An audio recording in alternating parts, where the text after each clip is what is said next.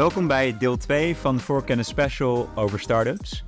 Uh, vorige keer, aflevering, of in deel 1, hebben we gezien dat we ons bedrijf hebben opgezet, de Pocket. Um, nou, we hebben venture capital fonds gesproken of ze interesse hadden in het idee. En um, nou, in deze de tweede deel gaan we het eigenlijk hebben over uh, de vervolgstappen. Dus is het geluk om, gelukt om funding te krijgen?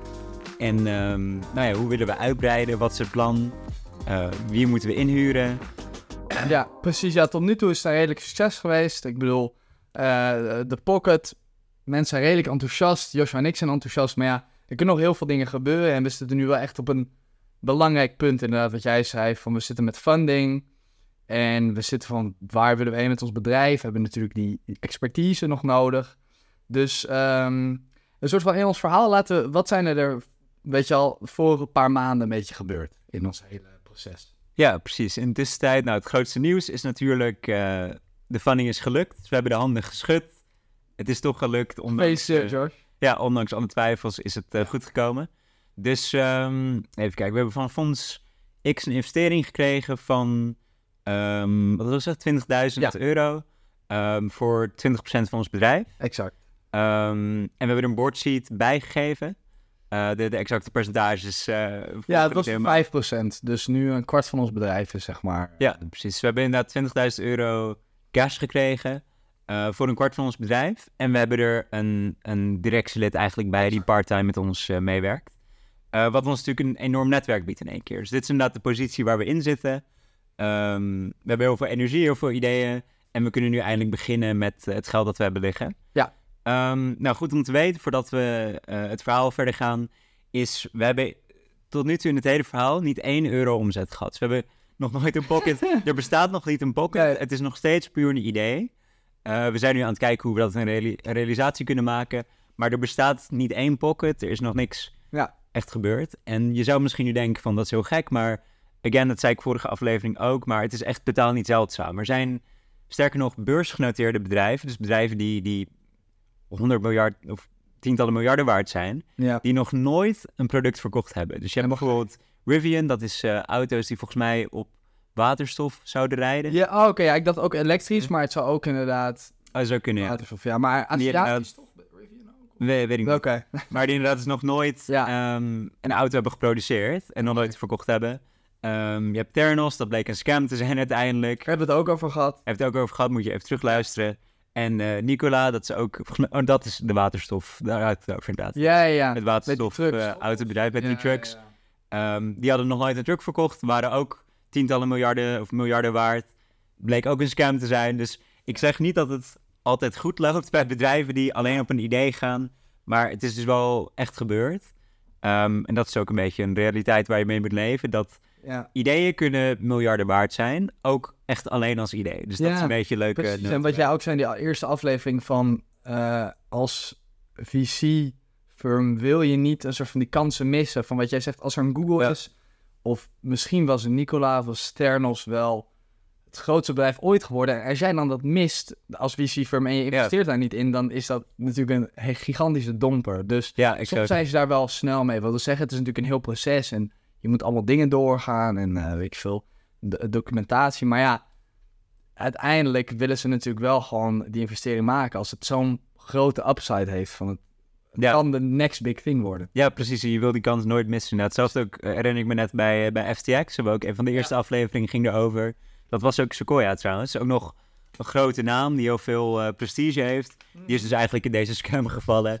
Maar wat je zei, het is, of dat zei ik wel vorige aflevering, van het fout hebben is niet erg. Maar goede kans missen, dat is wel erg. En eh, omdat het zo is, hebben VC's best wel vaak scams gefund. Ja, omdat het, ja, heel mooi. Vooral als het zo gigantisch wordt en uh, deze bedrijf gaat om miljoenen en miljarden. Precies, dat soort kansen wil je, wil je toch niet missen. Al kost het je een paar miljoen. De kans dat het miljarden waard is, vinden zij het waard. Helemaal gek. Dus uh, in ieder geval terug naar de, de pocket, ons verhaal. Hoe staan we daarvoor? Ja, dus uh, we hebben de investering binnen en we zijn nu een beetje aan het plannen wat we daarmee gaan doen. Ja. Um, nou, het eerste stapje, en dat is ook het belangrijkste voor onze technologie, is dat we een advocaat moeten betalen om het patent aan te vragen. Dus dat te regelen, en dat hadden we ook eigenlijk eerder moeten doen, maar dat konden we natuurlijk niet, niet betalen. Dus we wouden eerst... Precies, we wouden eerst... zoiets zoals wij hebben is inderdaad wel heel belangrijk. Want het gaat om ons hele product. En als we dat patent niet hebben en iemand, ja, of andere bedrijven... Ja, precies. die komen daar zo tussen. Dus dat is wel heel belangrijk voor ons. Ja, dus het, eh, het was even duur, maar we hebben in ieder geval wel die zekerheid dat het ons Ja. unieke idee is. Dus ehm, die bescherming hebben we in ieder geval klaar liggen. Ehm, dan het lastige, first hires. Ja. Want eh, we zeiden al, we hebben niet echt technische achtergrond allebei. Eh, weet je, we zijn heel gepassioneerd over het idee. Maar daadwerkelijk maken en produceren ervan, dat is natuurlijk heel moeilijk voor ons. Ehm, nou, dus vandaar, wie huren we daar dan in? Eh, nou, het- waar we natuurlijk heen gaan is eh, zo'n, wat jij zei, productspecialist. En dan zitten we al snel te kijken naar iets van een ja, electrical engineer, of eh, ik weet niet hoe je dat in het Nederlands noemt. Ehm, en daar doen we dan waarschijnlijk ook een stagiaire bij, want het is wel in één keer heel veel om twee productspecialisten erbij te nemen. Ik bedoel, we hebben het in de eerste aflevering de option pool gehad, over. Mensen compenseren. En ja, wat jij zei, we betalen al voor die advocaten. We kunnen niet overal geld heen eh, gooien. Dus eh, we doen die electrical engineer en dan een stagiaire daarbij die daarmee kan helpen. Wat ook een beetje eh, technisch is, wat we wel nodig hebben. Maar ja, Ja. zij is En goedkoop. precies, ja. En die electrical engineer en de stagiaire zijn nu eigenlijk de helft van ons bedrijf aan workforce. Dus het is Ja. gigantisch belangrijk dat we ook echt goede mensen selecteren. En daar hebben we in ons proces heel goed naar gekeken. En we hebben ook gelukkig van onze board seat hebben we wat Ja, influence nog netwerk eh, rond kunnen zoeken. Ja, dus eh, we hebben daar een beetje naar gekeken en uiteindelijk zijn we met twee hele competente mensen gekomen. Ja. En dus nu is ons team vier man plus dan nog die board seat, dus Ja, expertise. Ehm, en dan gaan we nu een beetje proberen ja, echt stappen te zetten. Ja, dus het team ligt klaar in ieder geval. Ja. Het patent hebben we. Ja. En nu, eh, nou ja, nu wordt het heel spannend. Want nu moeten we dus gaan zorgen dat we in ieder geval beginnen met het maken van de eerste pocket ooit Ja. eigenlijk. Precies, dus we gaan nu een beetje, laten we zeggen, de weken en de maanden door. Nadat we het hebben gedaan, een beetje flash forward. Dus we, we zijn druk bezig met die research en development. Ja. Dus dat doet vooral dat, eh, ja, hoe zeg je dat, eh, productgedeelte van het bedrijf. Eh Joshua en ik zitten natuurlijk heel erg alvast te kijken van hoe kunnen we groeien? Kunnen we deals gaan sluiten met mensen? Want dat is natuurlijk ook belangrijk. Ja, Waar gaan we dit verkopen? Ja, inderdaad. We hebben echt mensen die zo van met andere delen waar, bezig zijn. Ja. Maar ze zijn wel allebei even belangrijk. Precies. En eh, kijk, dit product moet natuurlijk ook geproduceerd worden. Dus eh, we sluiten ook ondertussen een deal met eh, iets van een lokale manufacturer, iets meer in Oost-Europa. Dus dat is Mhm. goedkoper voor ons. Ja. En, en iets kleinschaliger, maar ja, dat hebben we wel nodig. Dus daar zijn we helemaal mee bezig. En dan komen we een beetje op onze eerste echt grote deal, Josh. Ja, precies. Dus inderdaad, dat is vooral onze, onze portfolio. Denk ik dat wij samen ehm, erg op zoek zijn naar een markt hiervoor. Want natuurlijk, het product komt goed, want we hebben er goede mensen voor zitten en eh, we hebben wat deals daar lopen. Eh, maar we moeten natuurlijk ook aan de andere kant wel geld binnen hebben komen. Ehm, nou, we hebben dus heel lang verschillende leveranciers afgegaan. eh, cold e-mails, LinkedIn DM's, alles geprobeerd wat je ook maar kan proberen. In ons hele, dus inderdaad met die board ziet het hele netwerk afgegaan en we hebben het overal proberen te verkopen. kijken, ja. En eh, nou, het was even moeilijk, maar eh, uiteindelijk zijn we om de tafel gekomen met een hele grote speler. En eh, hebben we dat vertrouwen gekregen. En dat is de Mediamarkt. Die heeft Let's namelijk nou, onze eerste grote koper, zo niet onze eerste koper überhaupt, Precies. geworden.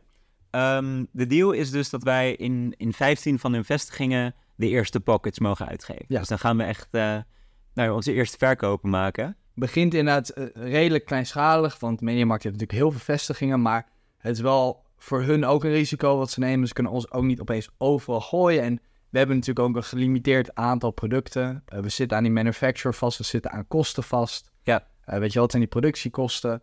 Dus we kunnen niet opeens duizenden van die dingen gaan produceren. Dus we beginnen een beetje klein. Maar ja, dit leidt wel tot onze eerste omzet Ja, als eerste jaar. En eh, we gaan al snel richting de 100.000 euro omzet, wat echt best wel goed is voor ons. Ja, En- precies. Je moet inderdaad wel onthouden. Je denkt dan van 100.000 is heel veel, maar je kan er dan twee mensen fulltime van betalen. En we zitten met z'n vieren, vijven in een Precies, dus bedrijf. Joshua en ik halen echt nog geen geld eruit. En Nee, precies. we zeggen omzet. Omzet is geen winst. Nee, exact. Die productiekosten hebben die research en development kosten. Ja, de mensen die we betalen. Advocaten ondertussen zijn we natuurlijk ook mee bezig. Dat patent moet je goed houden. Ja, Accountants hebben we natuurlijk ondertussen ook al erbij. Er zijn heel veel externe dingen, 100.000 euro, wat je zegt, Ja, veel, veel blijft er niet over. Maar eh, voor ons blijft er eigenlijk helemaal niks aan over. Ehm, en eh, dus we zitten nu inderdaad, wat we net zeiden, een beetje te kijken van, oké, welke kant gaan we op? We zijn nu erg een beetje, we verkopen meer in de mediamarkt en die verkopen het weer door. Ja. Maar ja, we willen natuurlijk ook groeien. Ehm, verder eh, ook nog leuk voor onszelf, klein kantoor aangeschaft, huren we nu. En eh, natuurlijk een kleine capaciteit van vier, vijf man. Maar ja, dat is ook ons team meer, hebben we niet nodig. Maar het is wel fijn om die groepsdynamiek te hebben. Ja, precies. Wel dat je samen op kantoor zit Ja. in plaats van thuis zelf of zo. Voor Joshua en ik is het een- ons fulltime ding. Dus om daar dagelijks te zijn, ook echt met die product development te kunnen praten, te kijken hoe Ja, zij bezig zijn. Want ook snappen we er niet altijd wel van, wij hebben wel het product gecreëerd. Ja, des te belangrijker dat wij ook heel erg ermee bezig zijn. Ja, ja. Van een beetje expert worden op dat gebied is denk ik wel eh bare minimum, omdat het... En eh, ik bedoel, die stagiaires, het hele goede koffie. Dus nee, nee. Stagiair is in dit geval bijna meer valuable dan die Joshua en ik zijn. Maar eh, dus wel een leuke dynamiek. En we zijn uiteindelijk blij met het team dat we hebben gekozen. Maar we komen weer bij het probleem waar we al eerder bij zijn gekomen natuurlijk. En dat is, gaat altijd om geld. Wat we net zeiden, weet je wel, we maken wel omzet. Maar ja, met die winst zit je toch taai. En de marges, weet je wel, zijn misschien nog niet wat ze ooit zullen zijn. Nee, Het is kleinschalig. Eh, en ja, we herinvesteren alles wat we kunnen weer terug in het bedrijf. Ja, precies. Groeien, meer contacten met de mediamarkt, productie. Ehm, dus, dus waar zitten we nu dan een beetje, George? Ja, precies. Dus inderdaad, we zitten op een vrij moeilijk punt. Want ook, ook voor ons is het een beetje, gaan we hier dan vol voor? Of blijft het toch een ding dat we zeg maar on the side doen met Ja. het lijkt leuk als het goed gaat? Ehm, en wat je al zei, geldproblemen heb je, heb je altijd. Hè? Dat is, ja, Natuurlijk, het is nooit, het is altijd een droom. eh, eh, Ook al heb je waarschijnlijk miljarden aan geld liggen, altijd. het blijft altijd moeilijk om, Ja. te- om het goed te kiezen waar het heen gaat. Ehm, en zoals we al zeiden in de vorige aflevering, ehm, banken die zijn niet fan van start-ups. Ehm nou ja, vrienden, familie, privépersonen ook niet echt. Nou, venture capital heeft ons al geholpen. En we komen nu in een beetje in een soort van venture capital, maar dan wat, wat latere bedrijven. Dus we hebben nu al een product, we zijn nu al aan het verkopen. En dan komen we in de wereld van private equity terecht. Eh, private equity is een heel brede naam eigenlijk voor bedrijven die investeren in ehm, private bedrijven. Dus dat, dat zijn BV's. Dat betekent dat de aandelen ehm, eigenlijk alleen op, op naam verkocht worden. Dus daar gaan we waarschijnlijk in aflevering 3 nog wat meer over hebben. Ja. ehm, hoe dat verschilt. Ja, je kan het Ehm, niet als individueel persoon. Het, wel, het is niet beursgenoteerd. Je kan niet eh, duizenden aandelen opkopen. En het staat niet op jouw brokerage online. Je kan zeg maar niet die aandelen echt kopen. Dus het is inderdaad Ja. specifiek op naam. Maar het is wel een stap van VOF. Ja, precies inderdaad. Dus Dat, ehm, dat stapje komen we al wat verder in eigenlijk. Worden al behandeld als een wat grotere speler. Ja. Ehm, en hier is eigenlijk het grote probleem met private equity.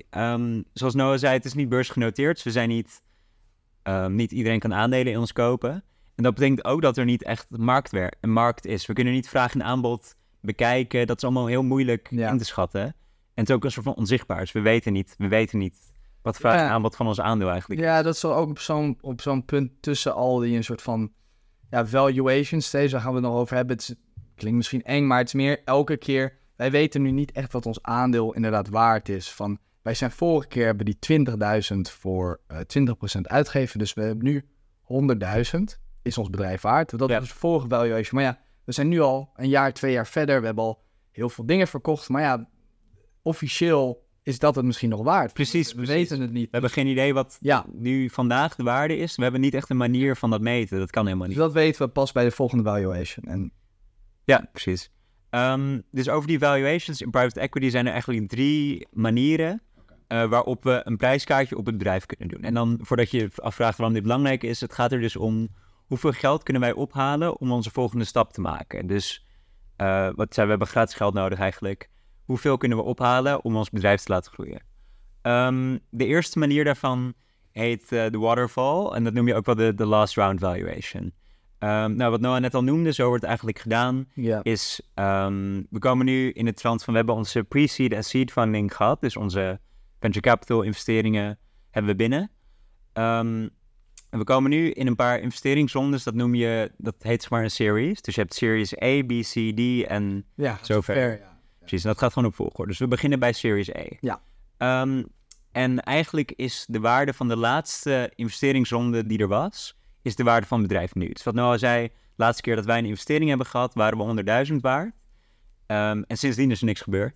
Dus uh, sindsdien hebben wij, zijn we nog steeds 100.000 waard, ook al hebben we veel meer omzet en ook al zijn we veel groter geworden. Um, dat is eigenlijk onze waarde op dat moment. Ja. Um, nou, nog even kort als jargon. als wij bijvoorbeeld voor Series A, dus voor onze nieuwe investeringsronde, meer geld ophalen dan voor de vorige. Dus als we meer dan uh, eh, 20.000 euro ophalen, of nee, sorry. Als ons bedrijf meer dan 100.000 euro in totaal waard is, dan noem je dat een upround, want dan zijn we omhoog gegaan in waarde. Ja. En als dat lager is, zijn we een downround. Dus dat betekent dat we, um, dat we omlaag zijn gaan in waarde. En dat kan ook heel gezond zijn. Het is niet per se slecht. Nee, in deze situatie we zijn natuurlijk nog heel vroeg. En ik bedoel, 100.000 als waarde voor ons bedrijf is nu apart, want we hebben bijvoorbeeld 100.000 omzet gedraaid in een jaar. Dan willen we wel echt naar een upround. Ja, dan willen we toch wel meer dan dat ophalen. Want als we nu zijn we nog heel vroeg. Ik bedoel, als je later bent en weet je, die valuations kunnen elke keer veel te snel gaan. En dan heb je eigenlijk een soort van value voor niks bijna. Ja. Dat wil je ook niet hebben. Maar nu zijn we nog zo klein dat we eigenlijk elke ronde, ik bedoel sowieso A, B, C, whatever, willen we omhoog stijgen qua waarde. Ja, precies. En dat, uh, daar zoeken we nu inderdaad. Ja, ja, nou hoop ik voor Pocket namelijk. Ja, precies. Um, de tweede stap is compar Comparable Company Analysis. Um, nou, dat zit allemaal in de naam. Dan ga je eigenlijk kijken naar vergelijkbare bedrijven en hoeveel die waard zijn. Um, en dat gaat vaak niet, niet naar op waarde zelf, maar met een multiple. Uh, en een multiple betekent eigenlijk dat vaak kijk je naar een bedrijf met hoeveel zijn ze waard vergeleken met hun omzet. Dus je hebt bijvoorbeeld een bedrijf dat um, ehm, 100 miljoen omzet heeft en een bedrijf is een miljard waard als bedrijf het aandeel. Ja. Um, dus dan is de multiple 10, want ze zijn, de waarde van het bedrijf is 10 keer hoger dan hun jaarlijkse omzet. Exact. Dus die 10 keer is de multiple. En dat kan je toepassen bij ja. verschillende dingen. En dat heb je allemaal ja. inderdaad verschillende measures. En je hebt het inderdaad met hoeveel uh, leningen je bijvoorbeeld hebt staan, of hoeveel assets je hebt, of hoeveel zeg maar wat je boekwaarde is. En dan kan je zo want dit is heel simpel, dat is natuurlijk één. Maar als je zo gaat kijken, ga je het vergelijken over 10 of 20 verschillende multiples. En ook allemaal verschillende bedrijven, de competitie, hoe het staat. En dan ga je een beetje kijken, weet je wel, waar zitten wij daar ongeveer tussenin? Ja, precies. En dat is ook inderdaad moeilijk, want het is ook moeilijk uit te drukken. Bijvoorbeeld ook hype en sentiment, zo dat kan je niet uitdrukken ja. in getallen. Dus stel, komen we zo nog bij, maar stel er zou heel veel hype rond de pocket zitten of dat soort dingen. Um, ja, hoe kan je daar een waarde aan geven? Dat kan ook niet echt. Maar maakt het ook wel leuk. Ja. Van dan uh, kan je dat een beetje uitdrukken. Ja. De derde, uh, moet ik eerlijk zeggen, ik heb het opgeschreven, maar ik snap er niks van. Uh, option pricing heet het. Ja. De derde manier van valuation. Ja, nou, ik weet het niet per se altijd in de context van valuation, maar ja, option pricing is heel lastig, want je hebt hier inderdaad iets, iets staan. Ja, dat is redelijk technisch het Black-Scholes model. Maar het gaat er meer om, hoe kunnen wij zo accuraat mogelijk iets, of de waarde van iets berekenen. En daar heb je allemaal modellen voor. En, maar het lastige is wat jij zei. Kijk, de wereld is altijd helemaal anders. En hoe meer je jouw formule uh, wil laten lijken op de echte wereld, hoe meer variabelen je moet hebben. Ja, hoe moeilijker het is. Dus, en hoe moeilijker het is. Dus eigenlijk wat er bijvoorbeeld bij de Black-Scholes model gebeurt, is uh, je houdt een paar variabelen constant. Dus je houdt bijvoorbeeld constant hoe erg de markt op en neer gaat. Mm -hmm. uh, bijvoorbeeld, ja, dat is dan de volatility, houden we bijvoorbeeld op 10% per jaar. Dus okay. Weet je al... Het... Is dat veel weinig? Weinig, okay. denk ik. Uh, het hangt natuurlijk ook heel erg af, maar het, het, is een beetje weinig. Maar bijvoorbeeld dus gemiddeld... Ja, ik weet niet hoe je dat wil zeggen met standard deviation. Maar bijvoorbeeld, weet je, als de lijn redelijk recht is... Mm -hmm. zijn uh, de verschillen in prijs gaan die heel erg omhoog of omlaag? Ja. Of blijft het een beetje rondom het gemiddelde? Oké. Okay. Dus hoe lager die volatility is, hoe eigenlijk fijner. Want dan is het heel hoe stabieler het is. Ja, hoe stabieler het is, heel makkelijk om te breken. Dat houden we uh, stabiel. En allemaal andere dingen houden we stabiel. En eigenlijk hoe echter je een soort van die formule maakt, mm -hmm. hoe meer verschillende dingen je allemaal moet analyseren. En dat is heel lastig. Dus dat is iets wat bijvoorbeeld in deze situatie de Black-Scholes model doet. Die houdt een paar dingen constant, zodat jij wat simpeler de waarde van dus de option of een share kan uh, berekenen. Oké, okay, ja. En dat is dus in de context, ja, ik ken het niet helemaal in de context van uh, de waarde van een bedrijf. Hmm. Maar het heeft bijvoorbeeld meer met opties te maken om te kijken wat is zo'n optie nu waard. En uh, als het bijvoorbeeld goedkoper is dan dat jij het berekent, dan moet je hem kopen. Ja, en duurder. Als, als, je denkt dat hij een soort van goed... Ja, ja precies. Als je dus, kosting eigenlijk... Precies, dus een beetje analyse voor jezelf om te kijken van... gezien wat de markt doet, inderdaad, en hoe we er een beetje voor staan, ehm, is dit positief om te kopen of negatief? En eh, er zijn allemaal verschillende formules voor, maar eh, het belangrijkste denk ik om te onthouden is altijd dat hoe eh, meer verschillende, hoe echter je het wil laten eh, weerspiegelen van de markt, hoe lastiger het wordt om daadwerkelijk ook daar een model van te maken. Dus ehm, ja, ik denk dat het in deze situatie veel beter is om een soort van comparable company analysis te doen met die multiples. is een stuk makkelijker. Ja, precies. Inderdaad. Dat is dan van de drie ehm, de meest logische. Ja, denken, lijkt mij wel. En is ook de, degene waarbij we naar de meeste uproutes, van de hoogste uproutes zitten te kijken. Van Ja. we willen natuurlijk niet zoveel waard zijn als onze omzet. Dat kan wel een stuk hoger. Ja, Ehm, even kijken. Dus dan komen we eigenlijk bij, gaan we weer wat vooruit in de tijd. Dus als je dit in je achterhoofd houdt. ehm, nou, als we ook al een paar jaar verder zijn bijvoorbeeld. ja, dus we zijn een beetje uitgebreid. En we hebben ook ehm, dat we nu ook weer bezig zijn met het buitenland. ja Ehm. precies. Ja, dan eerst even wat storyline misschien doorgaan Ja. eh, van eh, dat stukje. Dus eh, dat we inderdaad, we zijn binnen Nederland, maar ondertussen zijn we ook al naar Duitsland en België. En Frankrijk en we zijn een BV geworden. Dus ja, ik weet niet of je daar wat over wil vertellen van wanneer wordt dat een beetje aantrekkelijk om een BV te worden in plaats van een VOF. Ja, dus een, een BV, dus als je puur naar belasting kijkt. Eh, in Nederland is dat aantrekkelijk wanneer je vanaf 150.000 euro per jaar winst maakt. Ja, Eh, maar dat is alleen fiscaal. Natuurlijk voor start-ups is dat vaak niet het geval. Ja. Eh, maar dat kan ook gewoon gaan over... ehm, ja, zeg maar meer hoe je jezelf wil beschermen. Dus je hebt daarbij ook iets dat heet rechtspersoonlijkheid. Ja. Dus dat een bedrijf dingen op zichzelf mag doen. Daar hebben we eerder in de aflevering ook wel over gehad. Ehm, maar we willen in dit geval eigenlijk wat meer beschermd zijn. Ehm, want bij de VOF waren wij persoonlijk verantwoordelijk voor dingen. Dus als wij een lening niet terugbetalen, zijn wij als personen daar verantwoordelijk voor. Ehm, en als we een BV worden, dan heeft het bedrijf rechtspersoonlijkheid. En dat betekent dat het bedrijf eigenlijk als persoon op zich behandeld wordt. Dus ja, als wij een lening niet terugbetalen, dan komt de deurwaarder bij eh, Pocket langs, maar niet bij ons persoonlijk. Ja. Ehm, wat natuurlijk wel fijn is voor ons. En dat, dat noem je ook asset shielding. Dus dat betekent dat het bedrijf, ehm, of eigenlijk dat wij worden, onze assets, onze Ja. eh, eh, eigendom wordt beschermd van whatever in het bedrijf gebeurt. Ehm, en dat is wel chill voor ons, want dan zijn wij ook individueel beschermd. En dat betekent ook dat wij weer wat meer bedrijfsrisico kunnen nemen. Ja. Dus dat wij dan wat meer kunnen focussen op uitbreiden en wat meer geld uitgeven en misschien geld lenen ook. heel Eh, fijn inderdaad. En, Dus dat is een mooie stap daarbij. en gaan we eerst naar de Series E of wil je door met het verhaal nog? Ehm, even kijken. Dat is beter. Dan laten we eerst maar naar Series A doorgaan. Ehm, nee, sorry. Eerst verhaal en dan gaan we daar naar Series A inderdaad. Helemaal goed. En eh, dus ondertussen, eh, weet je al, worden we al wat populairder. En eh, Pocket doet het goed. En we krijgen ook wat, wat interviews. En links en rechts, we pakken wat pace op. Ik bedoel, je gaat als bedrijf.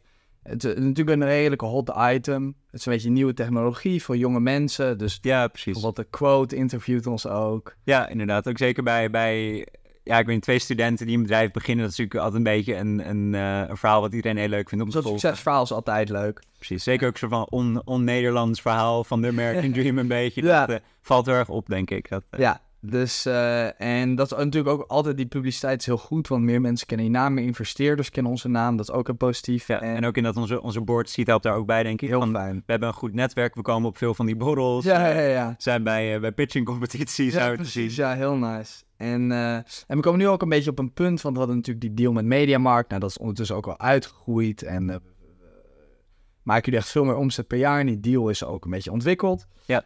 Eh, maar, weet je, we vinden het ook wel belangrijk om misschien direct naar die consumenten te gaan. Want om nou die deal altijd met Mediamarkt te hebben, ik weet niet. Ja, we zijn wel afhankelijk van. Mediamarkt. Laten we ook onze eigen site misschien maken. Laten we proberen direct naar de consumenten te zijn. Ik kan online gaan en ik bestel dat gewoon van hun site. Ja. En om daar een beetje te komen is ja, marketing natuurlijk wel gigantisch belangrijk.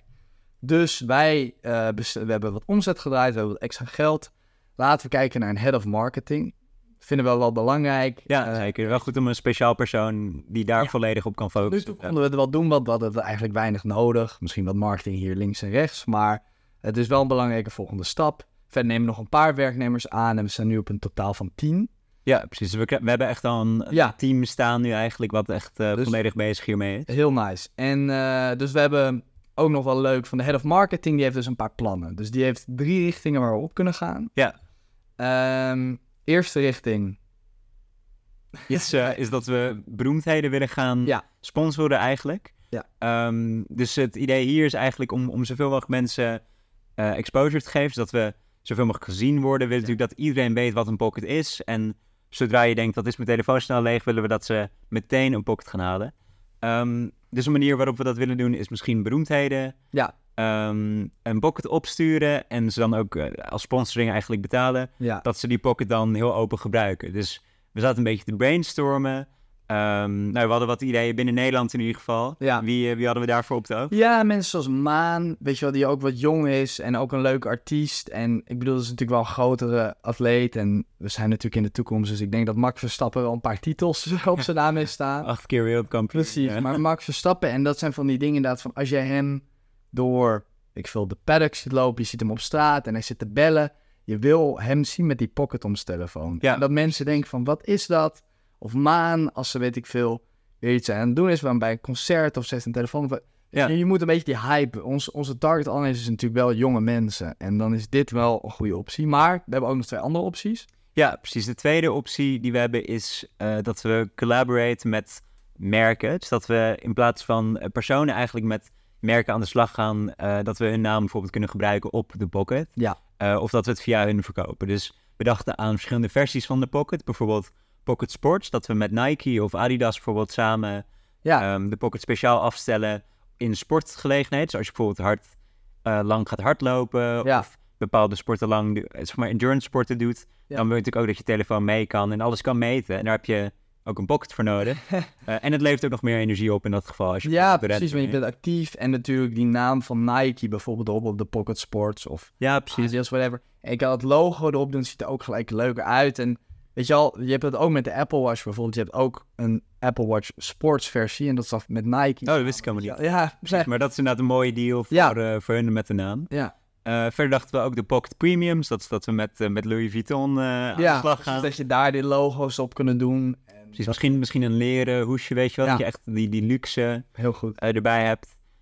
Misschien ook een pocket outdoor. Dus dat, je, dat we dan bijvoorbeeld met de North Face of zo'n soort bedrijf gaan. Dat het ehm, misschien wat een, een stevigere hoes is. Voordat je, als je mobiel laat vallen of zo. Ja, want dit zijn wel van die dingen ook, weet je wel, van Pocket Sports. En als je aan het sporten bent, weet je, je luistert naar muziek, je wil niet dat je telly uitvalt. En outdoor is hetzelfde, weet je. Jij gaat misschien twee dagen kamperen, je kan niet opeens opladen. links Nee, dat is een goede inderdaad. Van je, kan, je hebt niet echt een oplaadpunt en je kan maar zoveel powerbanks Ja. mee. Maar hoe handig is het nou als je zelf je energie kan opwekken Ja, precies. met je Je powerbank? zit sowieso te hiken, je zit te lopen, je, zit, je bent bezig. Dus dan is het eigenlijk perfecte gelegenheid. Dus dan zit een beetje na te denken van welke richting willen we op. En Ja. nog een derde trouwens, en dat is meer, ja, dat gebeurt altijd natuurlijk als, als head of marketing. Dat moet deze guy voorleggen, maar Precies. het is iets traditioneler, weet je al. Wel grappig trouwens dat traditioneel nu ook al social media is, maar... Ja, precies. Inmiddels is het toch weer oud Ja. of zo. Gek genoeg. Maar, Maar bijvoorbeeld dingen zoals Instagram, TikTok, Facebook, maar ook, weet je al, wil je op tv, wil je op de radio, wil je op billboards. ja, precies. Dat je, dat je mensen heel direct media. bereikt eigenlijk. Dat je wel overal die, die, pocket ziet. En eh, dus wij moeten een beetje keuzeshooters maken. Hij legt het voor. Heb jij een sterke favoriet dat je denkt, dit lijkt me leuk? Of Ja, ik vind het heel lastig, want we kunnen inderdaad door het budget moeten we er eentje eigenlijk kiezen. ja. Pardon. Ehm, ja, ik, eh, ik vind het lastig. Ik zit inderdaad een beetje te denken. Ik vind het lastig met artiesten dat... Stel een artiest wordt soort van... Of beroemdheden wordt soort van gecanceld. Ja. Of het gaat niet goed. Van stel Max Verstappen die gaat als races verliezen. Is het toch weer lastig als wij onze naam daarbij hebben. Ja. Dan denken mensen... Weet je, als ze pissig zijn omdat hij een race verliest... en dan zit hij te bellen met een pocket. dan denken mensen toch eerder van... negatieve connotatie misschien. Maar dat, dat Precies, is dat ook is wel lastig. van... Het kan natuurlijk ook wel heel erg je brand image worden. En vooral als het zo'n grote deal is. Ik bijvoorbeeld, bijvoorbeeld met, weet je wel, Nike of zo. Misschien wordt ons ding dan heel erg een sportproduct. Oh. En dan gaan mensen niet een normale pocket. Dus dan is het te, te gelimiteerd, denk je? te gelimiteerd. Oh, misschien, misschien bij Nike vind ik het minder, maar bij eh, outdoor met North Face, dan Mm. zien mensen het misschien echt alleen als een kampeerproduct. Dat, Oh, goeie. Had ik niet eens aan gedacht eigenlijk. Dus, de, maar ik denk toch wel dat hij met de Nike of de Louis Vuitton, Louis Vuitton is wel lastig. Ja. Maar als je het echte brand als een specifieke versie, als wij doen Pocket Sports Edition, Ja. dan vind ik dat wel een goede optie, weet je wel. Ja, dat gaat wel mijn favoriet. Maar ja, dit zijn gewoon, wij zitten nu te brainstormen met z'n tweeën, maar dit zijn een beetje van die dingen waar wel erg over moet nadenken als bedrijf. Van, Ja, zeker. Wat is jouw je? Ja. Ja. En ook zeker met wat je zei met die namen. Van, als je Nike kiest, dan is dat een hele goed, heel goed merk om te hebben. Mhm. Maar dan limiteer je tegelijk ook weer. Want dan ben je wel populair bij sportmensen. Maar bijvoorbeeld, ja, ik weet niet, je wil... Het wordt bijvoorbeeld niet echt gezien als luxe product als Ja. er weer Nike op staat. luxe of meer business of dat soort dingen, Ja. weet je wel. Dus, maar ja, aan de andere kant, ik vind dat ook wel een goede kant. Ja, niet om hier te veel- over door te gaan, maar het is natuurlijk wel een product dat werkt als je veel beweegt. Dus daar moet je ook wel aan denken. Ja, dat exact. Nike wel Het is, het is wel gebaseerd op Ja. beweging in ieder geval. Dus dat is moeilijk. Maar ehm, ja, ik denk intuïtief is toch... Ja, of ook met die laatste bijvoorbeeld van Instagram en zo. Dat is... Ja, het, is van, het heeft wel voordelen, maar ik denk dat we wel wat uniekere dingen moeten doen om Ja, meer gezien Je te moet er worden. uniek over nadenken. Maar, eh, Ja. maar ja, dus in ieder geval als bedrijf heb je dan vaak een, een vast budget en dan moet je hier gewoon over nadenken. En eh, voordat we doorgaan, hebben we in de tussentijd ook nog een beetje gekeken naar weet je, andere eh, leveranciers, andere manufacturers echt. En want we zitten nu een beetje, we hebben die R&D gedaan, toen zaten we met die eerste manufacturer. Nu willen we echt met die Pocket 2 komen, dus Ja. echt een verbeterde versie. Precies, we hebben nu ook het budget om echt dat stapje verder Precies. te nemen. En dus echt eh, meer gaan kijken naar grotere manufacturers. En ja, kijk, dat is ook een balans, daar kunnen we het kort over hebben, Josh. Van wat wil jij als bedrijf binnen huis doen en wat wil je outsourcen naar buiten? Weet je, van Ja, eh, marketing is wel belangrijk, maar ja, je kan ook een marketing agency inhuren. precies, precies. Ja. En eh, voor nu, ja, wij kunnen nog niet die, dat die pocket in huis maken. Dus, Nee, exact. Ja, het is inderdaad die eeuwige soort van businessvraag van... Ja, eh, wat, wil je het zelf doen of wil je het laten doen? Ehm, en dan ook in ons geval is expertise heel veel waard. Dus het is ook in-house hebben we gewoon een paar experts, maar we hebben ook niet heel veel capaciteit. En hebben bijvoorbeeld, ja, mensen buitenaf hebben dat vaak ook meer. Dus ik denk, Ja. voor nu is inderdaad outsourcing wat logischer. Van dus bijvoorbeeld productie, wat je zei. Ja. Ehm, en dan over tijd willen we het wel zelf gaan doen, Ja. maar we zijn er misschien nog niet helemaal klaar voor. Ja. Nou, het is een balans op allemaal kanten van je bedrijf. Van, wil je al heel vroeg, wil je de financiën, wil je het juridische werk, wil je dat al iemand daarvoor betalen? Van vaak is dat wel in het begin een grote stap als jij, er gaat geld uit de kas. Ja, en dat is veel ook, ja. Dat is veel ook, maar ja, als je uiteindelijk veel meer tijd en moeite aan kwijt bent zelf, en het is een hele lastige balans. Maar in ons voorbeeld nu doen we het nog even buiten.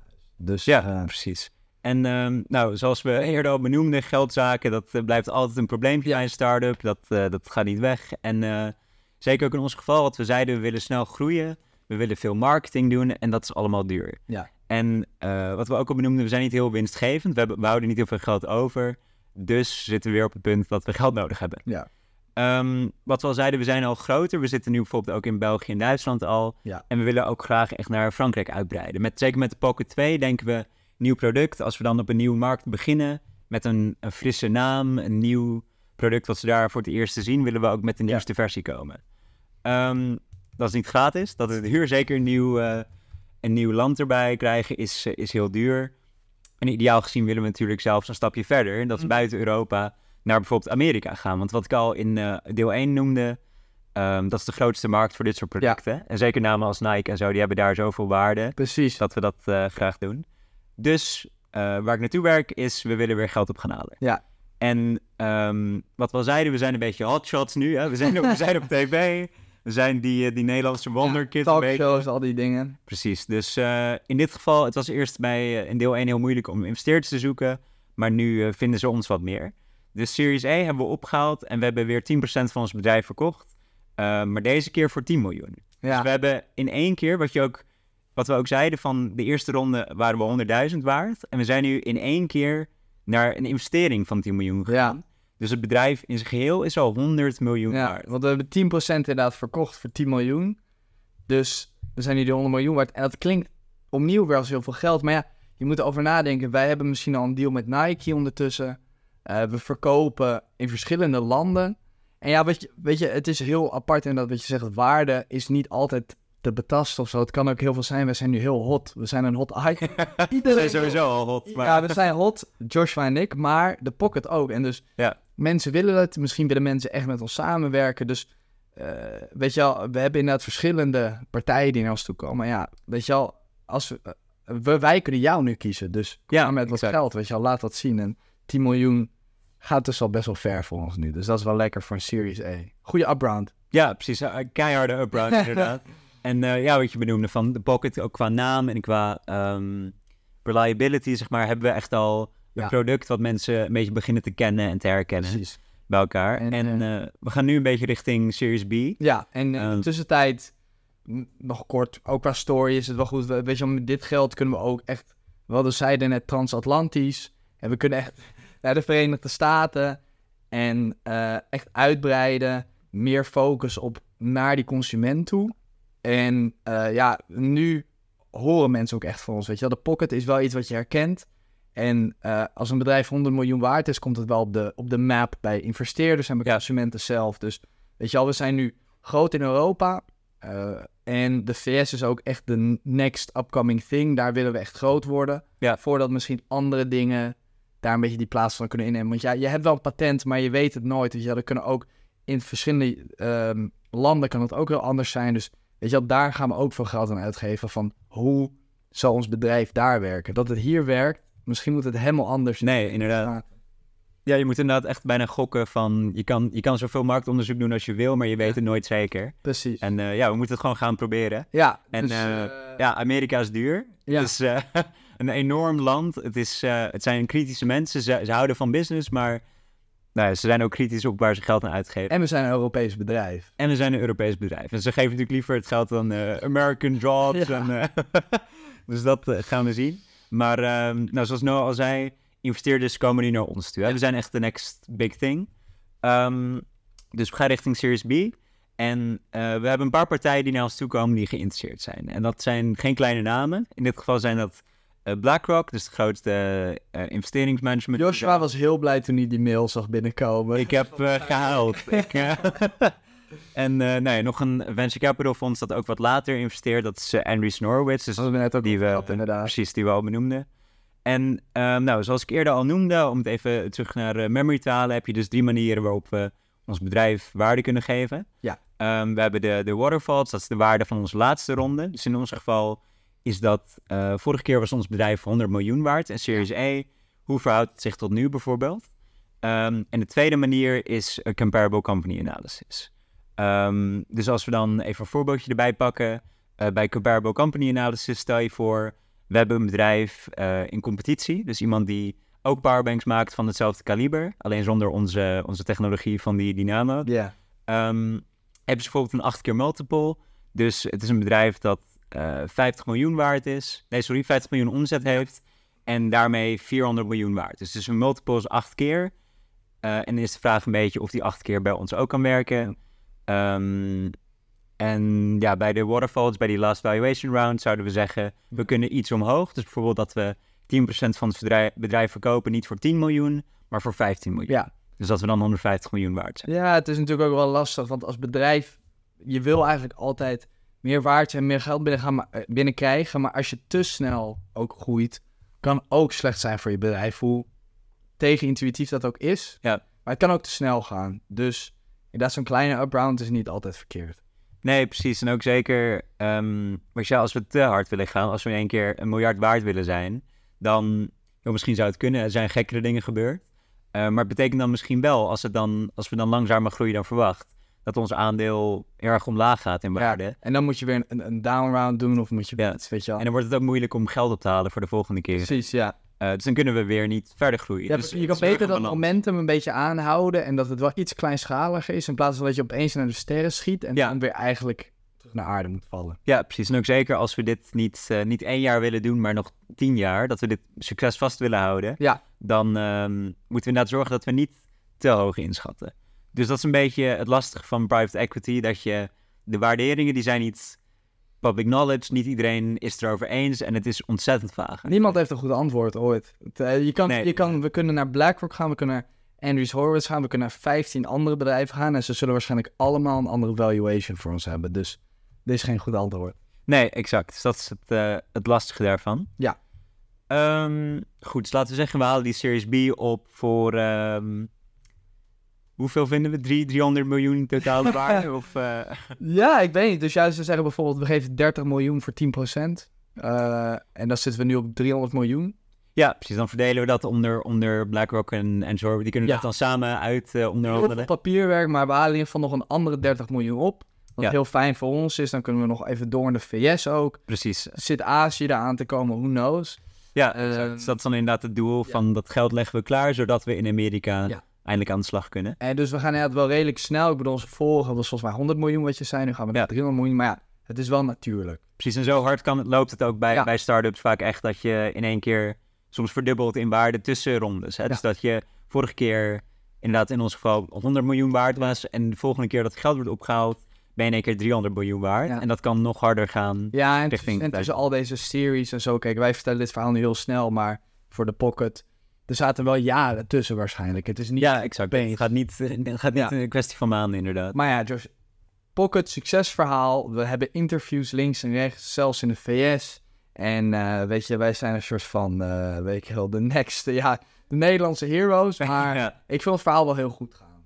precies. Het gaat, Ja, het gaat toch? wel bijna te goed om waar te zijn, zou ik denken. Ja. Bijna alsof er iets aan zit te komen wat een beetje als hele, alles in de soep gaat lopen. Precies. Nee, op, eh, op maandagochtend komen we op ons, eh, ons mooie kantoor te Amsterdam. Ja, En eh, dan vinden we op de deurmat een, een hele nare brief. ja, En zo'n brief noem je een dagvaarding. En dat is namelijk dat we aangeklaagd worden. oké. En het is niet zomaar een aanklacht. Het is namelijk de Universiteit van Amsterdam, de UvA, die ons aanklaagt voor diefstal. Ja, Namelijk diefstal van intellectual property, of eh, IP of intellectueel eigendom noem je dat. En ehm, dit is een echt, echt verhaal. Ja. Eh, het is namelijk zo, wij kwamen met de Pocket, met ons idee, het bedrijf opgezet toen wij aan de UvA studeerden. precies. Ehm, dus we waren daar student en we hebben eigenlijk daar ehm f- merendeel van de opzet voor Pocket hebben we Ja, toen we student waren gemaakt. En ehm, nou, toen we student waren, we hebben natuurlijk gewoon nou, uiteindelijk diploma's gekregen. We hebben collegegeld betaald. En in dat contract van dat wij student zijn, ehm, staat dat alles wat voortvloeit tijdens jouw studietijd, wat uit jou voorkomt, Mm, heeft de UvA deels recht op. Dus een student wordt eigenlijk behandeld als een werknemer, Ja. zoals je dat kent. Dat alles wat jij onder werktijd precies. tijdens je studie voortbrengt of produceert, Ja. daar heeft de UvA deels recht op. Omdat Oh. het idee is denk ik dat je de, die inspiratie deels te danken hebt, of die, die Ja, opbouw, die, dat fundament deels te danken hebt aan jouw universiteit. Dus alles ging zo goed. We kregen zoveel een soort van eh, nieuws rondom heel Nederland en de hele wereld. Dat de UvA dacht van, oh, nou deze jongens, Ja, leuke jongens, maar ze hebben beide op de UvA gezeten. En als we terugrekenen, zijn ze begonnen met dat idee toen wij daar zaten. precies. Oké, en Inderdaad, komen ze bij ons, eh, bij ons aan en willen ze hun deel van, eh, van de pocket. Precies, dan zegt zij inderdaad van wij verdienen om een deel van jullie bedrijf, omdat wij jullie die basis hebben gegund. Ja, hebben jullie... Zouden jullie er zonder ons zijn, is dan een beetje hun. Ja, precies, dat is de lastige vraag. En dit, dit staat echt in het contract wat je tekent met de universiteit, Ja, dat zij dus een grappig deel van het recht hebben op eh, wat, whatever voortvloeit, noemen ze dat ook. Ja, precies. eh, uit, uit jouw, jouw creatieve geaardheid. dat is heel, eh, wat je doet, maar ja. Wij waren hier dus te laat mee en we Ja. komen hier, we hadden hier niet aan gedacht. En dan opeens, een paar jaar later, is je bedrijf 300 miljoen waard. Maar ja, en, en nu komen ze ermee. ja, Precies, dus het is tijd om de, de advocaat te bellen. Ja. En eh, nou, we gaan aan de slag met de zaak. oké. Ehm, nou, het lastige bij dit soort contracten... Ik ga, ik ga niet een eh, contractrechtcollege houden, maar het moeilijke is dat... ehm, kijk, contracten, je, kan, je mag in theorie afspreken wat je wil. Zolang het niet illegaal is, mogen wij hele gekke dingen afspreken eigenlijk. Ehm, en in het geval van de UvA kan je ook zeggen... Het is best wel een raar contract, maar illegaal is het niet. Nee. Want het is eigenlijk net zoals bij een werknemer dat je zegt, je werkgever heeft recht op jouw creatieve ideeën bijvoorbeeld, onder, die jij vanuit werk krijgt. Ja. je kan het best motiveren dat dit semi, ja, best wel kan. Ja, precies. En ehm, nou, om onze zaak te maken heb je een paar manieren. Ik, ik heb niet heel erg eh, de diepte ingewerkt, maar er zijn wel manieren waarop je het kan behandelen. Bijvoorbeeld, je kan zeggen dat onder Nederlands recht dat een contract ingaat tegen redelijkheid en billijkheid. Oké. En eh, wat dat betekent is praktisch gezien dat het een onredelijk contract is. Dus dat dat niet, eh, dat het heel duidelijk oneerlijk is. Ja. En dat ook dat een rechter zegt van realistisch gezien is het best wel, ja niet kwaadaardig, maar een soort van ja, Ja. malicious zeg maar. Dus van ons, vanuit ons perspectief vechten we dit zeg maar aan van... ja, we zeggen Wij van vinden dit niet realistisch, wij komen in onze eigen vrije tijd met dit idee bijvoorbeeld. precies. En het is, je kan duidelijk zien dat de UvA ons gewoon te pakken wil krijgen. Ja. Dat ze gewoon geld willen. En het maakt helemaal niet uit wat, of ons idee wel of niet van hun komt. Ehm, nou, dus dat is een zaak die we kunnen maken. Je kan ook zeggen, dat heeft er eigenlijk mee te maken, dat je dat contract gewoon immoreel is. Dus je kan zeggen, het, soort van met hogere standaarden of bijvoorbeeld eh, bredere rechtsprincipes, daar valt het niet mee in lijn. Dus je kan zeggen van, nou, ik weet niet, intellectueel, soort van dat ze zeggen dat zij eigenaar zijn van onze intellectuele eigendom, is een soort van inbreuk op mijn, ehm, ik noem dat mijn human dignity een beetje. Ja, Omdat ik, bezit mijn eigen lichaam en mijn eigen ideeën. Ja. En dat de UvA dan zegt, nee hoor, dat is van ons. Ja, jij bent gewoon een persoon en je komt hiermee dat zij daartussen komen. Ja, precies. Dat is natuurlijk lastig. Dus dat kan het ook immoreel maken. Oké. Ehm, je hebt daarnaast ook een andere approach die we nog kunnen nemen. En dat is dat bijvoorbeeld dingen als Unfair Terms Directive. Dat is eh, EU-wet die zegt ehm, dat je bepaalde contracten kan aanvechten als jij een soort van lidmaatschap ergens hebt. Dus ik weet niet zeker of het eronder valt, maar laten we zeggen dat wij als studenten soort van lidmaatschap hebben aan de UvA. Ehm, dan kan je zeggen dat dit een term is die oneerlijk is. Dus Mm, ja, we hebben ons aangemeld voor de UvA, want we willen daar studeren en we hebben ons diploma ja, gehaald. Maar dit stond in de kleine lettertjes Ja. en dat is het past er Heel heel bijna eerlijk. niet bij. precies. Ja. Het is inderdaad het is totaal niet eerlijk en we worden bijna een soort van gechanteerd om het te tekenen en hier ja tegen te zeggen. Ja. Dus daar kan je ook zo'n directive bij gebruiken. Ja, ik bedoel, dit doen ze ook heel ander, of eh, een beetje ander onderwerp, maar Mhm. voorbeeld van op veel events. En eh we hadden net over Pitch Excel en over verschillende dingen.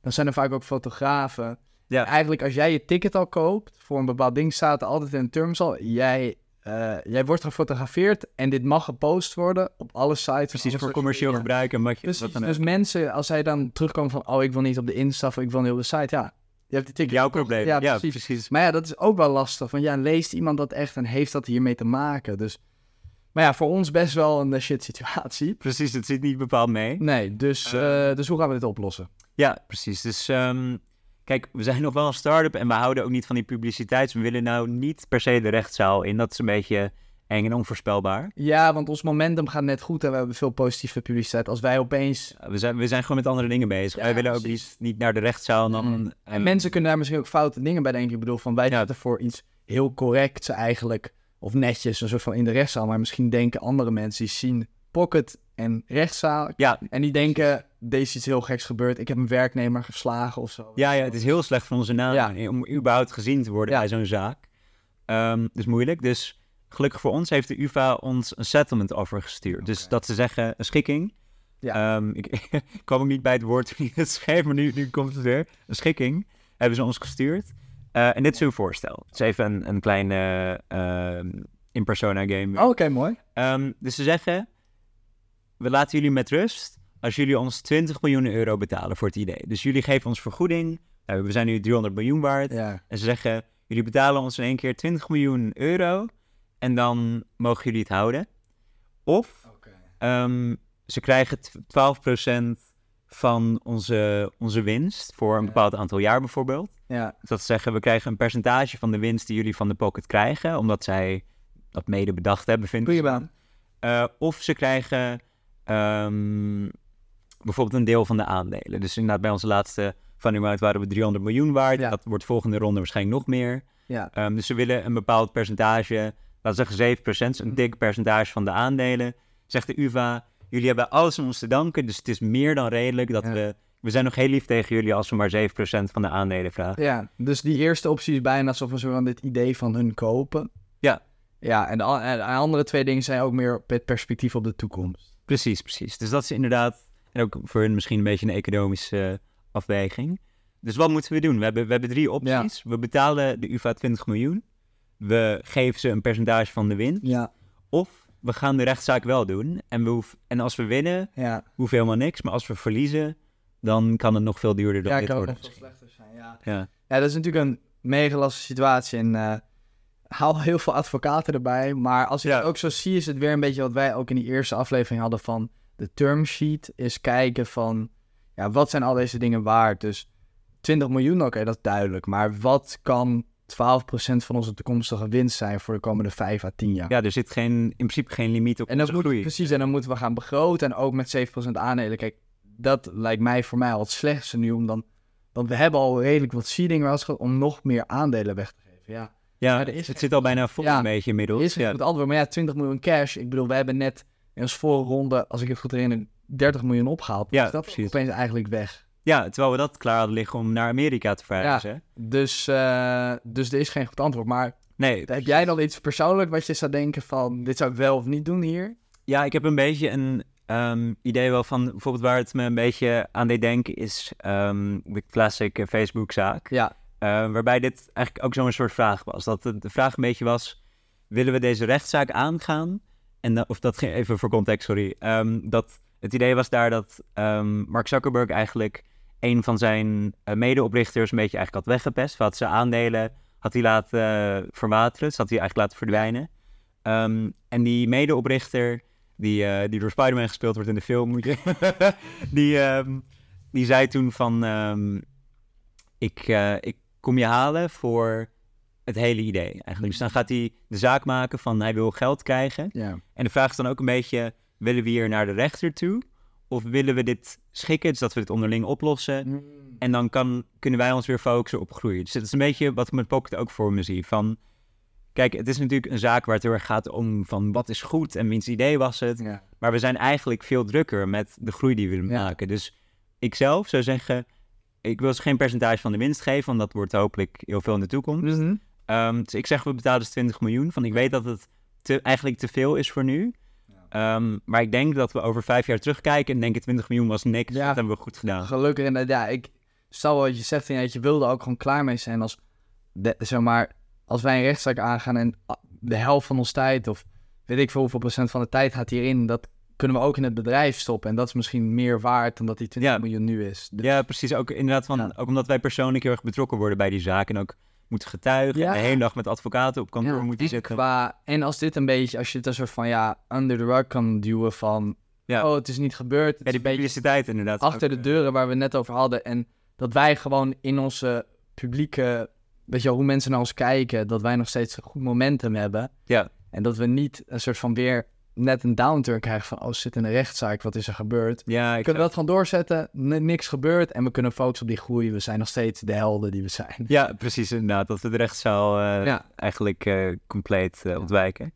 Dus nou, dan doen we dat. Dan sturen we ze een ja tegen de settlement. Ja, Het is even een duur prijskaartje. Maar laten we hopen dat het over tijd het we waard wordt. minder uit eten, maar ja, het is, het moet maar. Iets minder champagne was toch wel het plan, helaas. nou, voor mij niet, maar. Maar goed, dat is een beetje het, eh, tegen het einde van de aflevering, eh, van deel 2 van deze special, denk ik. Dus we hebben het gehad over ehm, nee, wat, wat eh, funding rounds zijn op dit niveau. Dus als je niet alleen met een idee zit, maar ook met een product en een bedrijf en personen die er werken. Ja. Hoe werkt dan de, de waarde van een bedrijf eigenlijk? Ehm, nou, we hebben het gehad over ons marketingplan. Dus wat, wat moeten we met dat geld? Waar willen we heen? En wat, ja, je hebt keuzes te maken, dus waar moeten we dan mee verder? Ehm, en als laatste hebben we dus ook nog gehad over ehm, hoe je eigenlijk omgaat met intellectueel eigendom. Eh, maar voor, nog belangrijker wat je net op het einde noemde van... ehm, ja, la- laat je je lastigvallen door kleine, pro- of kleine problemen, Ja. door problemen als dit? Of willen we het soort van afbetalen en dan echt focussen op die groei? En in ons geval kiezen we dus voor focus op groei. Ja, precies. En dat is ook wel een beetje eh, wat ons doorleidt naar onze derde en laatste aflevering over onze pocketverhaal, is die groei. En eh, ik bedoel, we zijn nu echt al een succesverhaal en we hebben net een kleine tegenslag gehad, maar ja, we zijn wel van plan echt te groeien. En we zijn nu ook echt al dik in de Verenigde Staten. Maar ja, er zit toch wel iets in, iets waar ik nog steeds mijn oog op heb. En sinds ik ben begonnen met de pocket met jou, Josh, is dit wel wat eigenlijk iedereen van droomt als ze een bedrijf opzetten. En daar gaan we het volgende week over hebben. Ja, precies. Dat hoor je volgende week. Bedankt voor het luisteren. En, eh, eh, ja, zie- zie jullie aflevering 3. Hoi. Doei.